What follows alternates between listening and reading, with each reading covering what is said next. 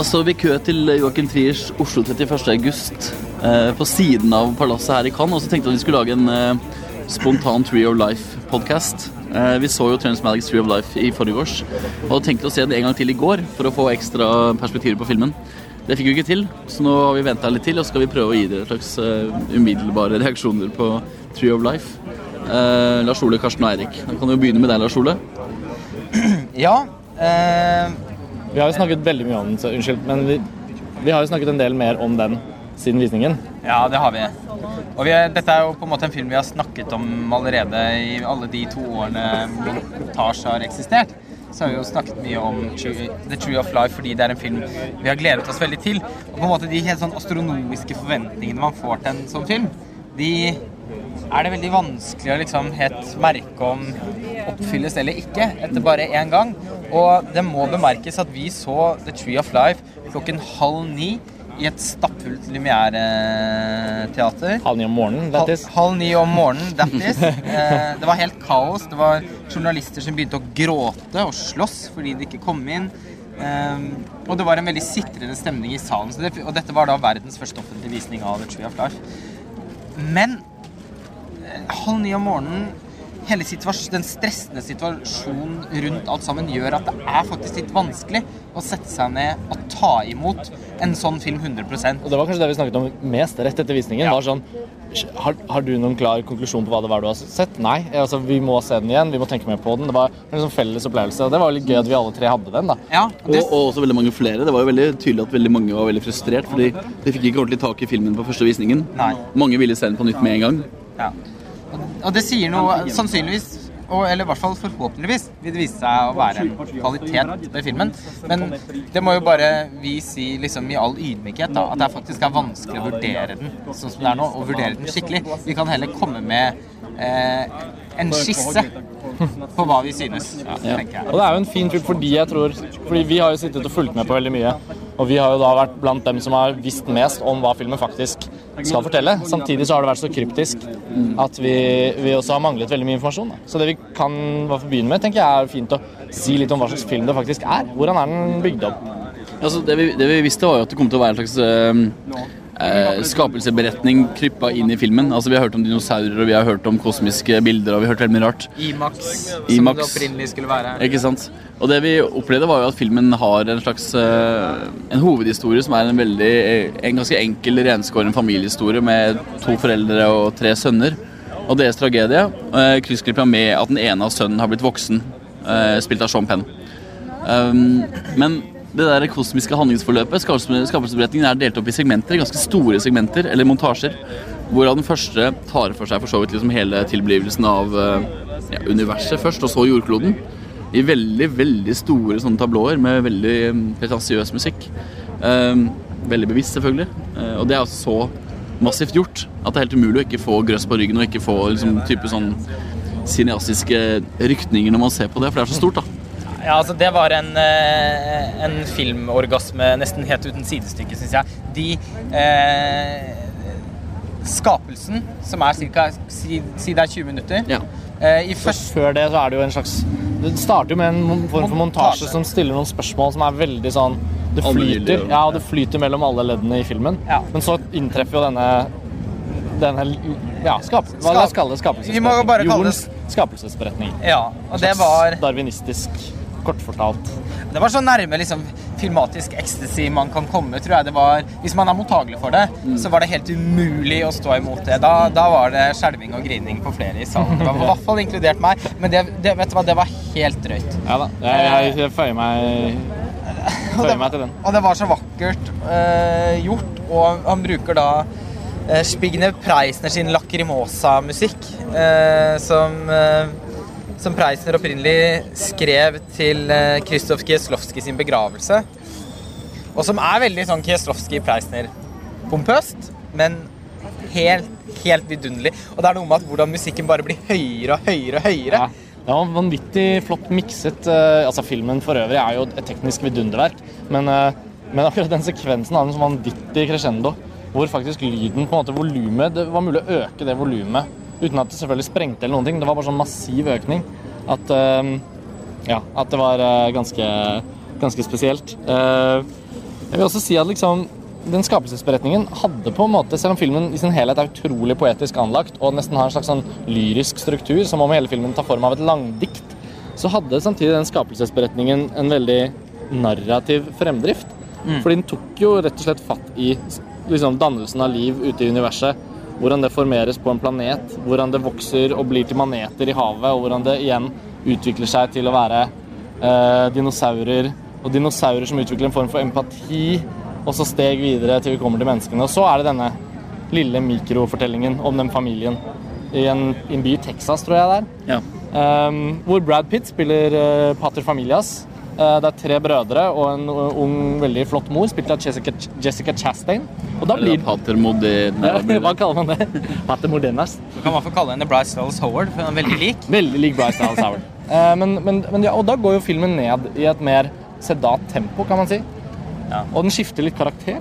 Men ikke så sedat, fordi det er fortsatt veldig merkelig foto. Altså, det, er veldig, det er veldig hastig fortalt. Det er ganske dvelende i noen eh, sammenhenger, men det er veldig Kameraet beveger seg alltid. Og det er veldig følelse at du følger den familien i ganske høyt tempo. Og det, er, og det er ekstremt mye bruk av Altså Han er veldig kreativ med optikken sin. Det er veldig mye bruk av vidvinkel. Altså, og, og, han, og han klarer det. Altså Det er ikke en, det er ikke en tom gimmick. Altså De tilfører bildespråken helt sånn spesiell nerve. da Og det er det hele veien. Eh, men Midtpartiet er, sammenlignet med den voldsomme crescendoen innledningsvis, så går han på en måte fra 2001, en romodyssé, nesten sånn Eller Enter the Void, for den saks skyld, liksom, over i en mer sånn The New World-tempo på fortellingen sin. Ja. Og, begynner å bli viktige. ja, ikke sant? Og, og det er klart at uh, mens de tidligere filmene så får du den stemningen fra første scene, og da er det enklere å dykke inn i det og bli der. Nå får du noe helt annet først, og så kommer du inn i det, og for å så bli trukket ut igjen. Altså Filmen tar tak i deg og slipper deg og tar tak i deg og slipper deg hele tiden. Litt som du sier, jeg syns sammenligningen med et langdikt er veldig veldig godt, da. For det er på en måte uh, det Det er et filmisk langdikt. Det er mer som en eller som en, et stykke En musikk. sym- en symfoni har vi også kalt det. I, i, I fire satser, Ja, liksom. den eh, slekter jo på egentlig veldig mange andre kunstformer enn nødvendigvis den narrative kinofilmen, sånn som vi kjenner den. Ja. Den, er mye, den er mye mer uinteressert i å tilhøre en sånn tradisjonell fortellerretning, da. Eh, men det gjør den jo litt vanskelig. Den er jo vanskelig. Må, Men mest fordi du, på en måte, du, du må alltid ha på deg to briller. Det ene er som brillene som skal ta inn det der store, episke universet, så er det de som skal ta inn det intime. Og det gjør at det blir veldig frustrerende, som vi sa innledningsvis. Altså, det er veldig vanskelig på en måte å holde engasjementet oppe for hele familiehistorien fordi du hele tiden skal gå ut og ha de store bildene. Pluss at det at den tillater seg å være ganske pretensiøs også i voiceover på familiedelen, da, gjør at den føles litt banal noen ganger. Altså, den, den tar det kanskje litt for langt, selv om man får jo veldig grøss på ryggen, så Altså, det der intime dramaet som foregår i huset til den familien, blir liksom litt vanskelig å godta når det blir så banale filosofiske fortellerstemmer som ligger over det. Det, det, men jeg er også enig i det. Jeg synes at noen av de var eh, Og sånn er det med alle Terrence sine filmer, men jeg synes kanskje de var enda mer beklemmende enn det de kan være. Eh, har vært i de andre filmene hans. Det er noen ganske teite linjer i The Thin Red Line og The New World òg, men her var de enda teitere. Så, eh, og de som er allergiske mot det fra før av, vil sannsynligvis synes at dette er hans absolutt verste film. Men, han, men samtidig så er det noe med at når han gjør det så utilslørt som man gjør her Med hele så, hjertet, liksom. Med hele hjertet så går det også over den grensen som gjør at det nesten også blir vakkert. Det det, men det er en av de tingene jeg må liksom merke om jeg faktisk synes når jeg ser den igjen. Uh, men, det er, men det er helt åpenbart at det er en veldig impresjonistisk film. Den føles liksom eh, som vi, nettopp, vi har nettopp sittet og diskutert melankolia og Tree of Life opp mot, opp mot hverandre. Eh, som sagt, jeg må se den Tree of Life igjen før jeg liksom kan vurdere hvem som på en måte er den beste av de, uten sammenligning for øvrig. Men, eh, men von Trier er en stor tenker. Altså han er en intellektuell. Eh, og derfor er det liksom enklere å sortere det på plass med en gang og si at ja, men herregud, dette er veldig, veldig bra. Og så må vi se hvor, hvor mye man liker det. Mens med Terence Malick er det liksom litt annerledes. Han, det er jo et uttrykk som heter 'dum som en maler'. Og han er litt dum som en maler, Terence Malick. Eh, og det blir veldig vakkert. Samtidig så er det eh, veldig Men- kløktig regissert. da, fordi altså, Det som gjør at de der, den familiehistorien faktisk overlever litt de der svulstige fortellergrepene, er jo nettopp at det er så velspilt og velregissert. Altså, vi kan snakke mer om foto etter hvert, men altså, den er veldig, veldig eh, intelligent sett av Terence Malick. Altså, spesielt barna. Det er jo tre, tre barn som spiller sønnene til eh, ja, de her. Og det, de er veldig velspilt, spesielt i scener hvor det bare er de to eller tre av de barna sammen. Eh, Så jeg syns faktisk at det her er den mest velspilte Terence Malick-filmen så langt. Eh, jeg syns f.eks. Den tynne røde linjen har veldig til tider ganske liksom sånn, sånn B-skuespill. Altså litt sånn overkarikert skuespill. Spesielt han der eh, Jim Caviezel som jeg aldri har likt i det hele tatt. Eh, Men her er det veldig solid skuespill. da Og Brad Pitt gjør en veldig god figur. Hun Jessica Chastain er også veldig god. Men barna bærer egentlig hele den fortellingen alene. Ja, det gjør det. Det var hjertet i filmen for min del. Altså, det dro meg veldig inn. Og jeg tror in the end så vil jeg faktisk bry meg mer om den biten av filmen enn den skapelsesberetningen vi nå har beskrevet, og som er så fascinerende som, som vi har sagt. Men også selve den liksom, eh, kjernen i eh, jeg skal kalle det for noe, int intensiteten da, i Tree of Life ligger i disse tre barna som spiller eh, brødre. Altså Der er på en måte kanskje hjertet følelsesmessig, men det ligger også veldig mye for forhold til moren. ikke sant? Morsfiguren i filmen. Men de brødrene seg imellom har en veldig nerve, for det er et sånt uavklart forhold, spesielt til faren, da, i filmen, som gjør at det er litt sånn, litt sånn ubehagelig å se på den også. Eh, Brad Pitt spiller en veldig komplisert og litt sånn merkelig farsfigur som man ikke helt får taket på før kanskje helt mot slutten av filmen. Eh, og da får man tak i den og skjønner at alt det vi har sett før, kanskje ikke har vært så hyggelig som man trodde. da. Men det er, også fascinerende å tenke på at en film kan være så tenkt og så intuitiv på en og samme gang. Altså, mens vi har skapelsesberetningen og de tingene rundt som er så enormt regissert, så utrolig orkestrert. da. Det er liksom ikke en tone som ikke klinger akkurat sånn som det er tenkt. Og så får du midtdelen hvor han nærmest er en dokumentarist. da. Og da er Terence Malick verdens beste dokumentarist. Det er han i The New World også. Hvor han bare filmer masse ting som skjer. Han, liksom, han er veldig opptatt av bevegelsen til figurene. Det tar nærmest form av Nå høres jeg ut som en ut, I vår hage-episode. Men det tar nærmest form av å bli en dans. Det er det, det, men det er jo det det gjør. Ja, det er det. Og det er, Jeg leste, ja. jeg leste et intervju med produsenten her nede på, på Deadline, hvor han snakket litt om på en måte, hvordan de hadde tilnærmet seg å jobbe med Terence Malick. Da. da hadde hun Jessica Chastain og han fotografen gjenfortalt begge to da, en episode hvor de hadde stått og skulle filme en dialogscene som handlet om noe helt annet, ute i gaten der på location i den byen hvor de har filmet mesteparten av den familiehandlingen. Da. Og så var det en kameraassistent som spottet en sommerfugl. Og det kom selvfølgelig Terence Malick for øre. Eh, og da hele den sommerfuglscenen, som er en ganske fin og bemerkelsesverdig scene i filmen, eh, den skjøt de i da solnedgang, selvfølgelig. Eh, og fotografen fikk tak i den sommerfuglen og den landet ved hun Jessica Chastain. og, de kommenterte etter å ha filmet at liksom, alle kommer til å tenke at dette er data. Og så er det jo en reell hendelse som ikke var i manus, men som ikke var planlagt. Og der virker det som Terence Malick, det ser man jo på hans andre filmer òg, flink til å liksom bare ha oppmerksomhet for sånne detaljer. Det, Det uplanlagte. å være, være, å være til stede eh, bak sitt eget kamera. Eh, og jeg har jo en, frem, en fremragende fotograf i Emanuel Lubeski. Da. Eh, og det ble jo sagt eh, under innspillingen på The New World, så ba han jo Emanuel Lubeski og de andre eh, second unit-fotografene bare gå rundt hele tiden og bare filme det de så. Han var så interessert i hva som måtte liksom skjule seg rundt i det området, uten at han nødvendigvis visste hva han skulle bruke det til, eller om han kom til å bruke det. Men han var veldig opptatt av at det skulle filmes. Og, det, og man merker at han får til noe sånn helt sjeldne øyeblikk i filmene sine. Det er er at det er liksom todelt, for det virker også som at han på en måte altså Fotoarbeid er veldig avansert. altså Kameraet er i bevegelse konstant. Eh, de har noen sånne opp-ned eh, som blir til noen sånne dolly-shot. De har noen merkelige håndholdte greier som ikke helt skjønner hvordan de har fått til. altså så det er veldig mye spontant, men samtidig så er det så teknisk avansert at det var planlagt veldig mye av det. Og skuespillet virker nesten intuitivt hele tiden, spesielt barna, men også moren virker veldig intuitivt spilt. Samtidig som kamera må ha krevd at de har planlagt veldig mye. da. Så det der er veldig fascinerende å tenke hvordan de har jobba for å få de to å matche, fordi det fungerer veldig bra. Det er kanskje det som fungerer best, er jo samspillet, scenene og fotoarbeidet. Skuespillet, fotoarbeidet. Tror jeg er de to beste elementene jeg liker. eh, Men jo, I overbygningen der så har de også gjort et vidunderlig arbeid med lyd.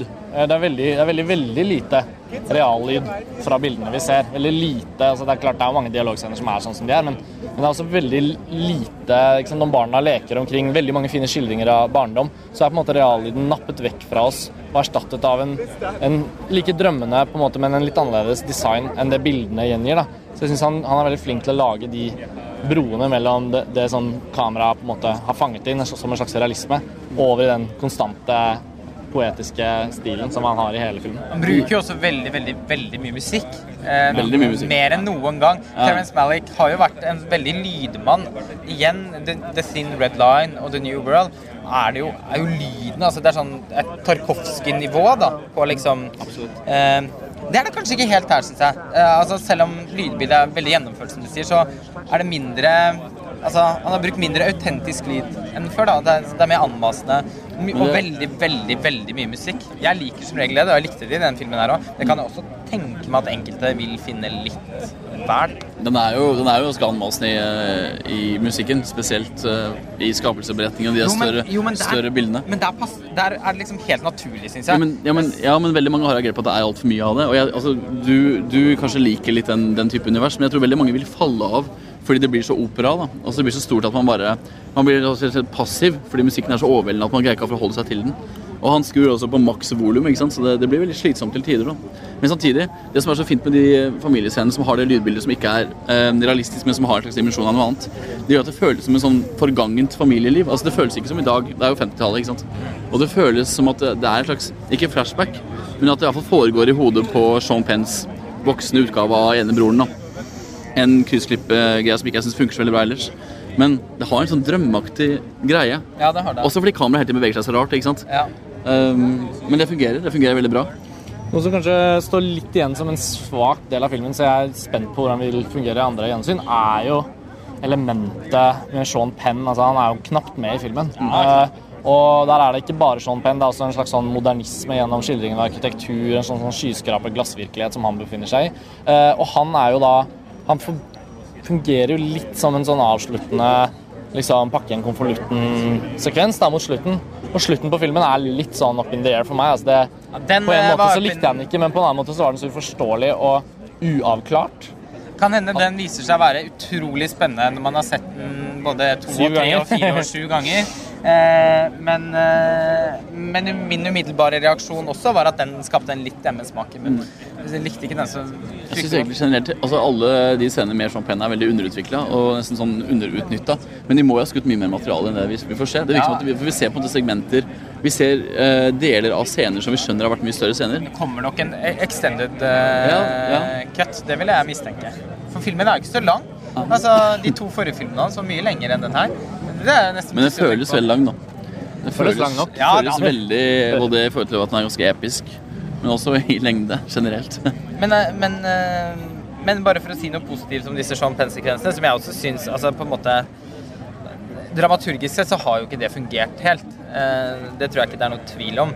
Men måten han skildrer den her modernistiske arkitekturen på Det er en veldig banal parallell til naturen, men det må man jo kjøpe. For Terence Malick er jo ekstremt banal. Det har alltid vært. Eh, Det er det som er noe av skjønnheten i filmene hans. Eh, Og den natur-kultur-konflikten er jo gjennomgående i hans filmografi. Og det ser man igjen her, men tydeligere, mer sånn overtydelig enn noensinne. Men god damn! De sekvensene hvor kameraet bare skrur seg over de skyskrapene med vidvinkellinser. Altså, det, det var jo helt crazy bra, syns jeg. Altså, de, de, er, de, er, de er mye mer storslåtte egentlig enn de der eh, Mange av de skapelsesberetningbildene i komposisjonen. De var jo bare Ja. For de er ofte holdt på ganske lavt nivå. Også det der di- din- dinosaursegmentet, som jo har fått veldig mye fokus. Er, liksom, er det faktisk dinosaur i your life? Ja, det er det jo. Men, jeg- kanskje, jeg syns det er helt som vi jeg synes trodde. det er helt latterlig at det har fått så mye fokus. Jo, men det er jo ikke så rart, fordi man liksom, vi fortalte at det skal være en historie, en slags oppvekstskildring eh, om en problematisk familie, og så er det dinosaurer i det. Det er jo ganske Jeg synes det, men jeg syns det er rarere at noen liksom syns det er problematisk med Ja, det er vanskelig å godta. Ja, eh, det, det ble for mange dinosaurer. Det er en lang, det er en lang skapelsesberetning fra bakterienivå via maneter, via dinosaurer, ikke så rart, til et nedslag av en asteroide, til en utvikling av en ny ras. Altså sånn, Det er jo bare en bit av det. Det må til for å fortelle en historie. Det er et godt symbol. Og det er kanskje to minutter med dinosaurer. Det er nydelig utført, Så for de som tror at dette får inntrykk av når andre anmeldere eventuelt skriver at dette er en slags Jurassic Park, så det må vi bare Da, har de jo, da, To minutter våkna de bare når det var dinosaurer, så så de resten av filmen. Sannsynligvis. Eh, og det er veldig vakkert løst. Altså, et nydelig bilde. Det er også en veldig fin enkeltsekvens mellom to dinosaurer, som er på en måte skapelsen av empati, som er gåsehudframkallende. Ja, det må folk få oppleve selv, men det er virkelig ja.